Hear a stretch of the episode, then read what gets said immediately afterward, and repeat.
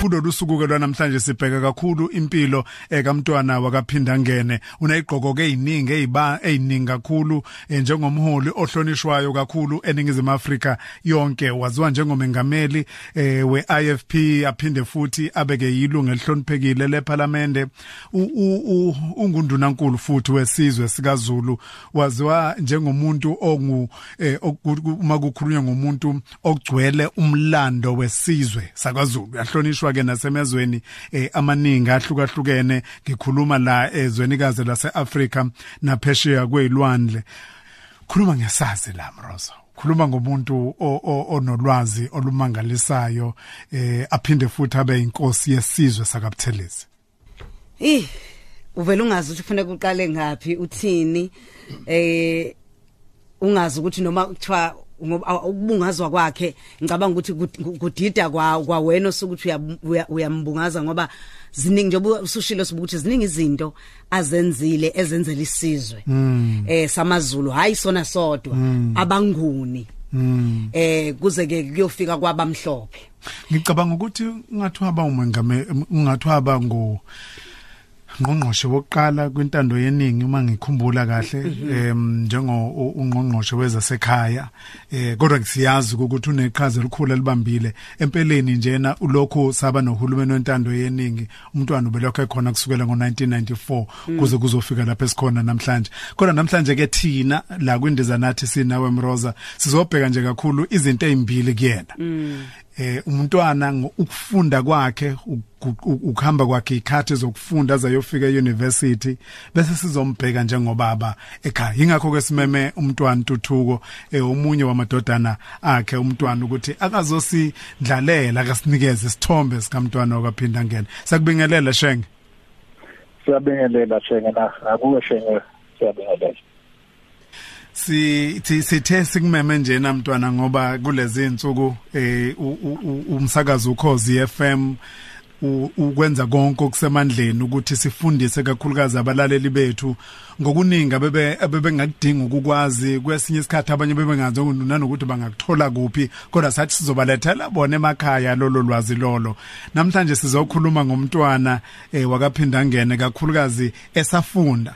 Sithathe nje mntwana ukuthi ufunde phi primary eh, school yakhe high school waze wafika euniversity?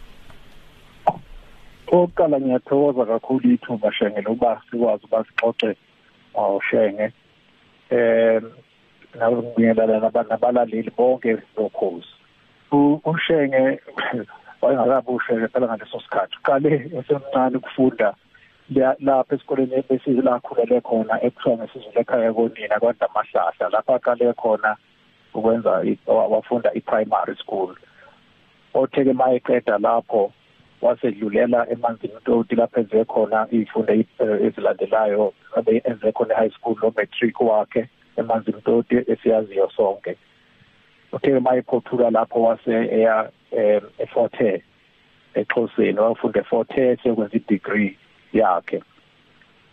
Ufundeke lapho ngiyathemba abanye abathi bulandela umlando wakhe eh nempilo yakhe bayokwazi ukuthi mayesezunyaka wakho kugcina kabangesakwazi ukuqeda lapho ngoba wasuke waxoshwa ngoba wayeyingxenye ye-ANC Youth League.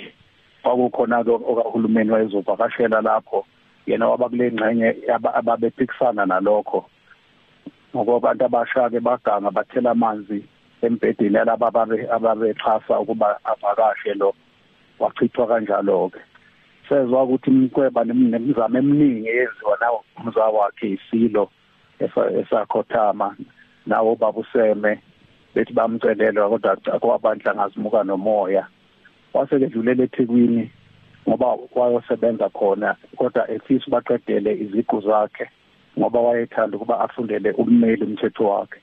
Kuye wangixoxela ukuthi kwakunzima sixoxela njengomndeni ukuthi kwakunzima kakhulu ngesikhathi ifunda lapho.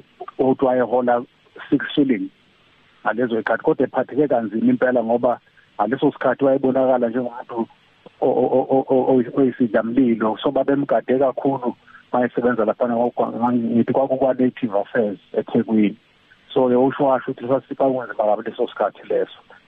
Kutheke ngokuhamba kwesikhathi njengoba ngeke ngathinta nje ukuthi ubefisa wayefiwa lesifiso soba ummeli. Kwafanele ukuthi akekho ummeli oyimisele ubangene amsize kumbezinya kwaze kwaqhamuka ummeli mhlawumbe abaningi abazomazi okumele we-ANC uMr uArenstein wathi cha uzomthatha yena kuba amsize ukuthi avivinye avivinyele ubumeli. Kuthe kusenjalo ke umama umntwana umagogo ahlaleshwa uma unina ugogo kimi wathi sekuyisikhathi sakhe sesifanele ubuye manje azothatha umsebenzi wakhe wokuphatha isizwe sawabutelezi ngakho-ke wayengakuthandi kakhulu lokhu yena usheme wayefuna eyimisele ngokuba ummeli kodwa wacela iseluleko kubaba uluthuli. Owameluleka ukuthi lo msebenzi umqoka kakhulu mayelana nenhlalakahle yabantu nangesikhathi sombusazwe ngaleso sikhathi ukuba asithathe lesi sikhundla. Wasithatha-ke emadolonzima umntwana omkhulu umasiza wadayisa inkomo noma eyimbili wathumela umuntu ukuthi akayomlanda eThekwini obengabuyi ezama khona baqhubeke nobumeli bakhe. Ngempela kwamhlonipha unina wabuya ke wazoba ukuthi azothatha umsizo kwawushiwe uyise ngoba uyise njalo wamshiya eneminyaka eyishumi neminyaka emine washona ke umkhulu ubaba Mathole ngike ngabona laphana ngesikhathi fothe ngithi bigubha iminyaka eyishumi ube womunye wabantu ababalwe njengabantu abavelele kakhulu eh kulaba yabantu ngicabanga ukuthi nanezinye abanye abaholi abahlonishwayo emhlabeni abathathwa njengabantu abazingwazi kakhulukazi kwezemfundo. Ungasho ukuthi nakuba aphuma kanjalo euniversity kodwa eh, ukuhlonishwa kwakhe kwasala. Okusho ukuthi igalelo lakhe alikhohlakalanga. Ngingasho hle ukuthi cha impela basala ngoba namanje usahlonishwa njengabanye ababa abakumlando ngoba kwaba nenhlanhla ukushaya kunabaholi abaningi abagqamile abakwamanye amazwe eAfrika njengomgabe abafunda lapha kuyo kuyo leya university le esisho engushile nje ukuthi wagcina iqedelile i-degree yakhe eseqedelele eThekwini wabhala eseseThekwini ke wayithola kwazithola iziqu zakhe. Kodwa ke kunjalo impela shene mayelana nabantu ngoba wayekade ekhuluma nje wayemenye kuzoba ne-lecture ekhuluma ngomunye wayehlonipheke kakhulu usolwazi wayemfundisa ebafundisa ngesikhathi saprofessor matthews. Waba i-lecture yakhe last year eyaba nesasasa elikhulu ngoba wakhombisa ukumazi kakhulu uprofessor matthews njengomuntu nanjengosolwazi. Okay. Ngizwile futhi phaka kumlando wakhe umntwana engasekho nje ke manje ke esikoleni ebuholini bakhe. Waziwa njengomuntu ogqugquzele kakhulu ukuthi kufundwe eh, umlando wakhe. Kuyavela ukuthi kunesikhathi lapho abahlangana khona ngithi nesizwe sakamkhwanazi ukuthi kwakhiwe phakathi kwezikhungo zemfundo ephakeme zakhiwa ungoye eh nezinye izikhungo zemfundo okuthi umntwana waba neqhaza ekuthenini zakhiwe. La kwaZulu kakhulukazi yebo kwaba nje kube njalo shenge mayelana nemfundo impela ayena igamagelelo lakhe abonakele ngoba kusukela eqala kithi ngesikhula wayeqiniseke ukuthi ukuba asifake emfundweni futhi azame izikole okuzikole eseqophelweni eliphezulu. Njengoba njengami nje wayegcizelela uba ngiyofunda lapha enkamana ngoba noma ngangakwazi mina ukuthi kusho ukuthini wayethi ngangifuna ukuhamba lapha ngithi sengicela ukushintsha mangiqeda standard 9 wathi hayi sekuyisikole e, e, ezimbalwa isayinayo uJMB Joint Matriculation Board. Ekwangasho kongasho lutho kini. Kodwa kuyena kwakumgoka soke saqeda kodwa mayelana nenduku ebandla ezikoleni akugabazeki ukuthi ubeke uyibekile induku ebandla ngoba amakoliji ngiyothisha awakhayo phansi kahulumeni kaZulu inqwaba. Cishe dlula kwayishuba wakhayo okudabukisayo ukuthi angathi asavalwa onke. Ngasizathu esingazazi kodwa asavale konke. Waba-ke futhi negalelo ekuvulekeni kwe-Mangosuthu University eMlazi. Wakhuluma nomhlobo wakhe omkhulu osozimali uMr Harry Oppenheimer owakhipha imali ukuba kwaze ukuthi kwakheke eMangosuthu. Thokozisa kakhulu-ke ukuthi namanje eMangosuthu baningi ababafundi esibaproducile ebakhiphileyo asebesebenza imisebenzi ehlukene kwemfundo nje ilokho engakubala kodwa kuningi kakhulu akwenzile kule mfundo. Ngoba iy'kole wazi kwaba khona isikhathi lapho acela ukuthi ube nentela njengokuthi uzulu ukwazulu yayingayithoshi yayinganikezwa imali efana nalaba amanye ama-homeland ayey'mele. Wacela uba wonke umuntu akhiphe irandi irandi irandi kwenzela imali eningi kabi abayeqoqayo bezama ukuba baphose itshe zivaneni mayelana nemfundo. Eh usakhuluma kanjalo e, engumholi wesizwe ebuka idingo zesizwe zonke ebuka nokuthi abantu bayagula eh, abantu badinga imfundo nani nani nalungoye eqhamuka nalo sesimbona nakho sekunendawo ekuthiwa isophikweni eveza yona. Eh sithe sibona nazi ibhedlela sezikhona eh wayisethi egqugquzela abantu abasho ukuthi mabahambe bofundela ubunesi ubudokotela eh zatshalwa ke ndawo zonke ibhedlela mhlambe okunye lokho ayezama ngakho ukuthi abuke njengomholi ukuthi sidingani endaweni njengesizwe samaZulu yikuphi esikudingayo esingakuletha kubantu?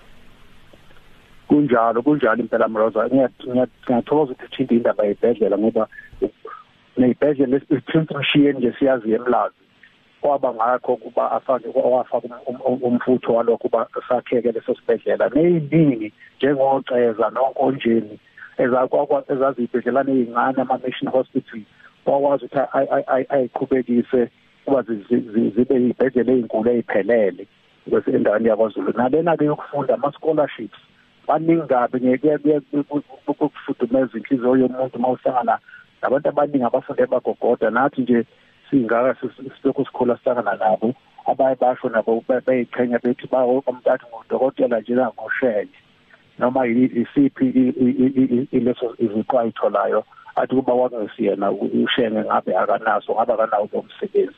Ngakho-ke kuyiqiniselo imsulwa lelo ukuthi baningi kakhulu abantu abasho ngokwabo ukuthi wabasiza kangakanani uba baye lokhu abayikhona.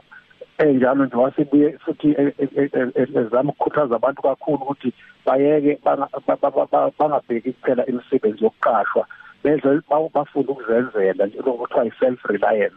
Ilokho ke abakulelo vangeli isikhathi eside kakhulu. Waphumelela-ke kwezinye indawo abanye kudala baqala kungaka isimo somnotho singakabi sibi kanje ukuba bayimele bayitshalele iy'ngadi ney'nsimu.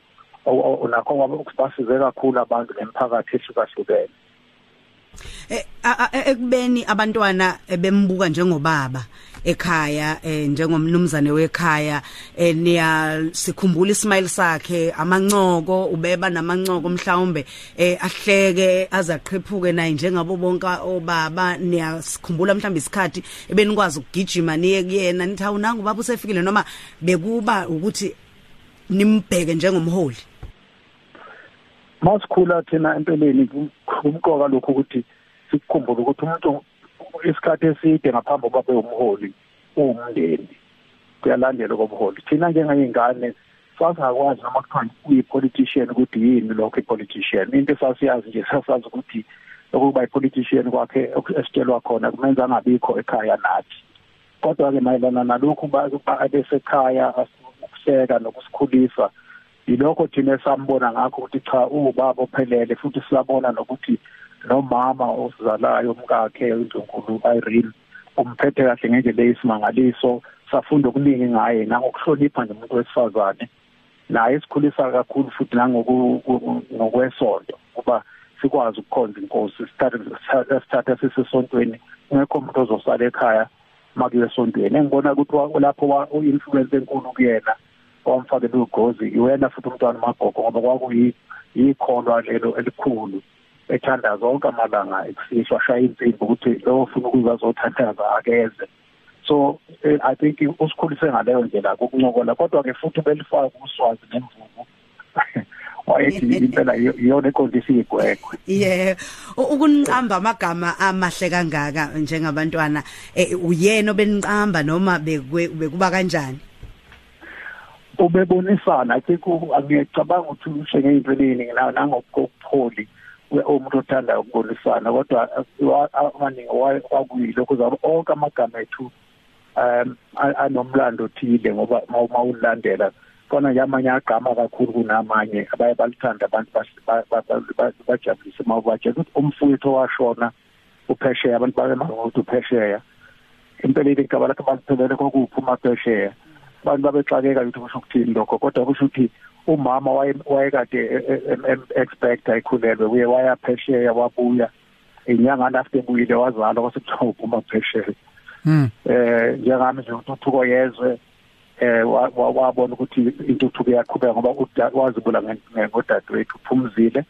Naye babembhekile ukuthi befisa ubaba nengane yokuqala so babe befika bemcosha base bembiza ukuthi uphumzile ukuthi baphumzile ne unelisa njengoba ngangumfana oyedwa igama lakhe eliphelele kwakunelisa uzulu. Kwakuyimi ngedwa umfana manje abantu bangakhululeki kahle ma umuntu eyedwa ngoba bacabanga ukuthi mayelana nokundlalisa uma lo muntu kukhona ukuqhamukayo noma alimale kwenzakalani. So kwase mase kuzalwa umfowethu ke wase kuthiwa unelisa uzulu usho ukuthi ke uzulu enelisekile ukuthi nangomunye indodana. So ke i think alikho igama engathi angazange ngempela caca ngalashiwo nje eh onke ayiba nomlando othile emva kwawo Hmm. Siyabonga kakhulu Shenge lo mlando sinikeze wona kuyabonakala ukuthi niwazi kusuka nokuhlala umlando kamntwana wakaphinda ngene njengobaba eh wenu. Sithokoza kakhulu nje singabagqugquzela abalaleli bethu ukuthi baphinde futhi bayithole bazoyithala lenkulumo ku www.ukhosifm.co.za njengoba ke eh sizokwazi ukuthi sithathe soyifaka ku podcast lapha. Shenge siyabonga kakhulu. Usedlulele usedlulisele ukubingelela kwethu ngokuthobeka okukhulu kuyena umntwana eh nondlunkulu mama Irene. Sibonga kakhulu ithuba shenge lokuba sikwazi nathi ngoba siyafisa balokhu sikuxoxe ngaye abantu bazi impilo yakhe le public abayazi le. Ngakho ke siyazi ukuthi lemenye bayithole eindabeni kodwa sibonga kakhulu ithuba ngiyokwedlulisela ukubingelela kwenu kumntwana nakuNkulunkulu siyathokoza. Right here on Ukhosi FM